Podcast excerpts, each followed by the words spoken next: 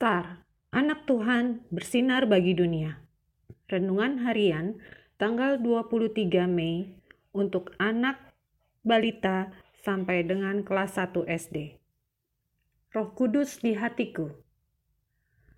Dari ayat Alkitab Yohanes 14 ayat 26.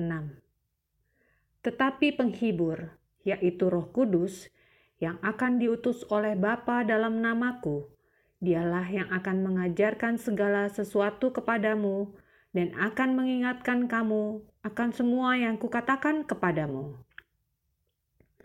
Adik-adik, setelah Tuhan Yesus naik ke surga, murid-murid berkumpul bersama di sebuah rumah. Ketika mereka sedang berkumpul, tiba-tiba ada angin kencang masuk ke dalam rumah itu.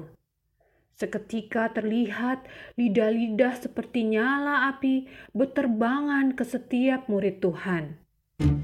Adik-adik bisa menebak apakah itu? Ya, itu adalah Roh Kudus.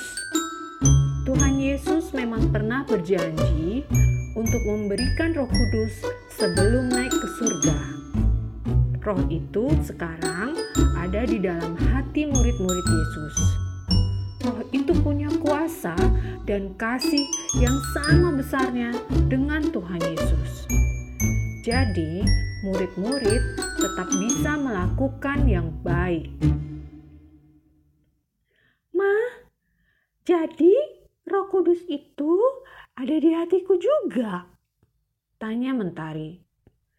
Tentu, sekali percaya kepada Tuhan Yesus, Roh Kudus juga ada di hatimu, kata Mama sambil memegang dada Mentari.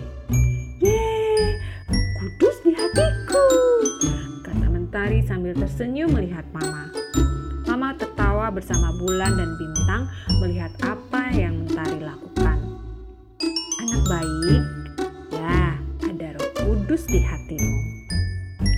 Coba sekarang adik-adik tanyakan kepada mama dan papa apakah Roh Kudus di hati Mama dan Papa? Mari kita berdoa. Tuhan Yesus, biarlah Roh Kudus tetap di hatiku. Amin.